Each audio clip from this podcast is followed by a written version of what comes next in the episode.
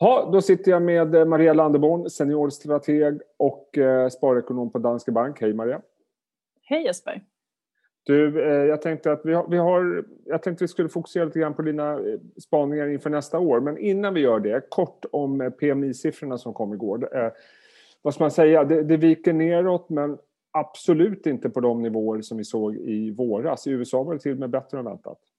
Ja, och det sammanfattar väl det hela ganska bra. Man ser ju i Europa att industrin håller emot väl, men däremot så bromsar det in i, i tjänstesektorn. Och det är ju inte så konstigt med tanke på de nedstängningar man haft senaste veckorna eller senaste månaden eh, som ju gjort att konsumenterna återigen sitter hemma.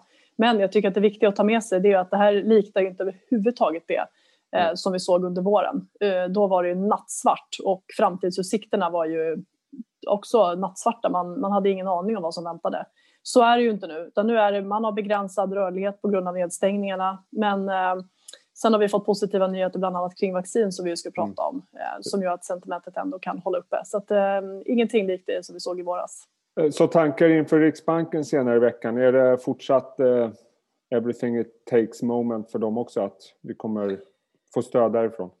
Mm, alltså, vi väntar oss ju i likhet med marknaden inte att Riksbanken gör några förändringar nu utan att man lämnar reporäntan på noll, man eh, behåller räntebanan oförändrad noll de kommande tre åren och vi tror inte heller att man rör QE-programmet nu men kanske att man specificerar vad man kommer köpa då.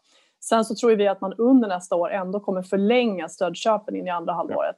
Och det man kan tänka sig nu är att man flaggar för ökad risk på nedsidan i närtid eh, till följd av de nedstängningar vi gör och för svensk del det här taket på åtta personer, eh, folksamling, det kan man knappt kalla folksamling längre, men det kommer ju förstås ha effekter på, på svensk tillväxt också, plus att vi påverkas av det som händer i omvärlden. Så det lär man prata om, men vi tror inte att man agerar på det än så länge. Okay. Du, eh, som sagt, jag tänkte vi skulle titta på några av, jag, jag har kallat det för vinterspaningar, det handlar lite grann om mm. spaningen för djur, men även framförallt kanske om nästa år. Och eh, första punkten är precis det du var inne på, och det alla pratar om just nu, det är vaccin. Vi har fått positiva besked från Pfizer, Moderna, AstraZeneca, fler lär komma från andra bolag närmaste kvartalet. Äntligen ett ljus i tunneln, är det så vi ska se på det? Ja, men så tycker jag faktiskt att vi ska se på det. Även om det dröjer lite grann innan vi kan massvaccinera folk och eh, sen är det också osäkert hur många som faktiskt kommer ta vaccinet. Men det är ändå positivt att vi på kort tid har fått tre positiva besked. Eh, för det gör ju dels att vi kommer kunna distribuera betydligt fler doser när vi har tre läkemedelsbolag som producerar vaccin samtidigt. Och skulle man få något bakslag vad gäller biverkningar på något av dem så har vi redan två stycken till då. Mm. Eh, precis som du säger så finns det ju ett antal andra vaccin i fas 3-studier och eh, vi väntar bland annat besked från Johnson Johnson någon gång efter årsskiftet. Så att som det ser ut nu så har ju Pfizer redan sökt om nödgodkännande. Man väntar sig kunna börja vaccinera folk eh, i slutet av december. Liknande ser det ut också för Moderna och AstraZeneca. Så att snabbt ut på marknaden och man förbereder kampanjer bland annat i Storbritannien, Tyskland och USA för massvaccinering av befolkningen. Eh, så att det här är bra och det är bra för sentimentet också även bland de som kanske inte kommer vara de första som vill eller kan ta det här vaccinet därför att det ger ändå hopp om livet senare under nästa år. Ja, för jag såg en graf som kom från Danske Bank som visade på eh, er analys över hur timeline eh, kan se ut för den här vaccineringen.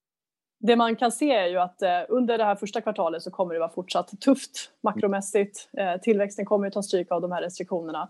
Men det positiva då det är ju att oavsett hur många som är vaccinerade så kommer vi i likhet med hur det såg ut under förra året kunna öppna upp ekonomin när vädret blir varmare, vi vistas mer utomhus, smittspridningen blir inte lika omfattande lika lätt. Och sen har vi ju ett antal månader på oss innan vi träder in i nästa höst. Och vid det laget så bör vi ju dels ha de här tre vaccinen på marknaden som vi redan fått besked om, men också potentiellt ännu fler vaccin. Så det gör ju att vi behöver inte ha samma risk för den stora nedstängning och så pass hårda restriktioner som vi ser nu. Så att vår bedömning är ju att vaccinet kommer vara eh, klart positivt för tillväxten under åtminstone andra halvan av 2021. Så samtidigt som vi då har en svagare eh, svagare utsikter i närtid så har också caset för bättre tillväxt under andra halvan av nästa år stärkts till följd av det här.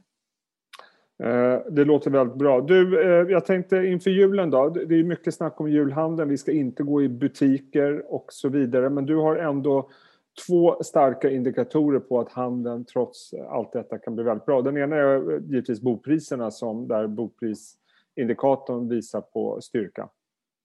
Bopriserna fortsätter ju uppåt löpande och eh, tittar man på eh, såna sentimentmätningar bland eh, hushållen så ser man att det är ändå bara ett par procentenheter som väntar sig att priserna kommer gå ner på ett års sikt. Sen ska man säga att de här behöver ju inte nödvändigtvis vara liksom en korrekt förutsägelse för vad som kommer hända framöver därför att hushållen påverkas av det som har hänt. Så man tittar på att vi har ett antal starka månader bakom oss och då väntar man sig att det här bara kommer fortsätta. Men hushållen är optimistiska. Bopriserna är en, en typisk bullindikator för konsumtionen och det är ju också börsen ja. som ju handlas nära rekordnivåer. Så att hushållens förmögenhet, om man tittar på sparande, är ju på toppnivåer.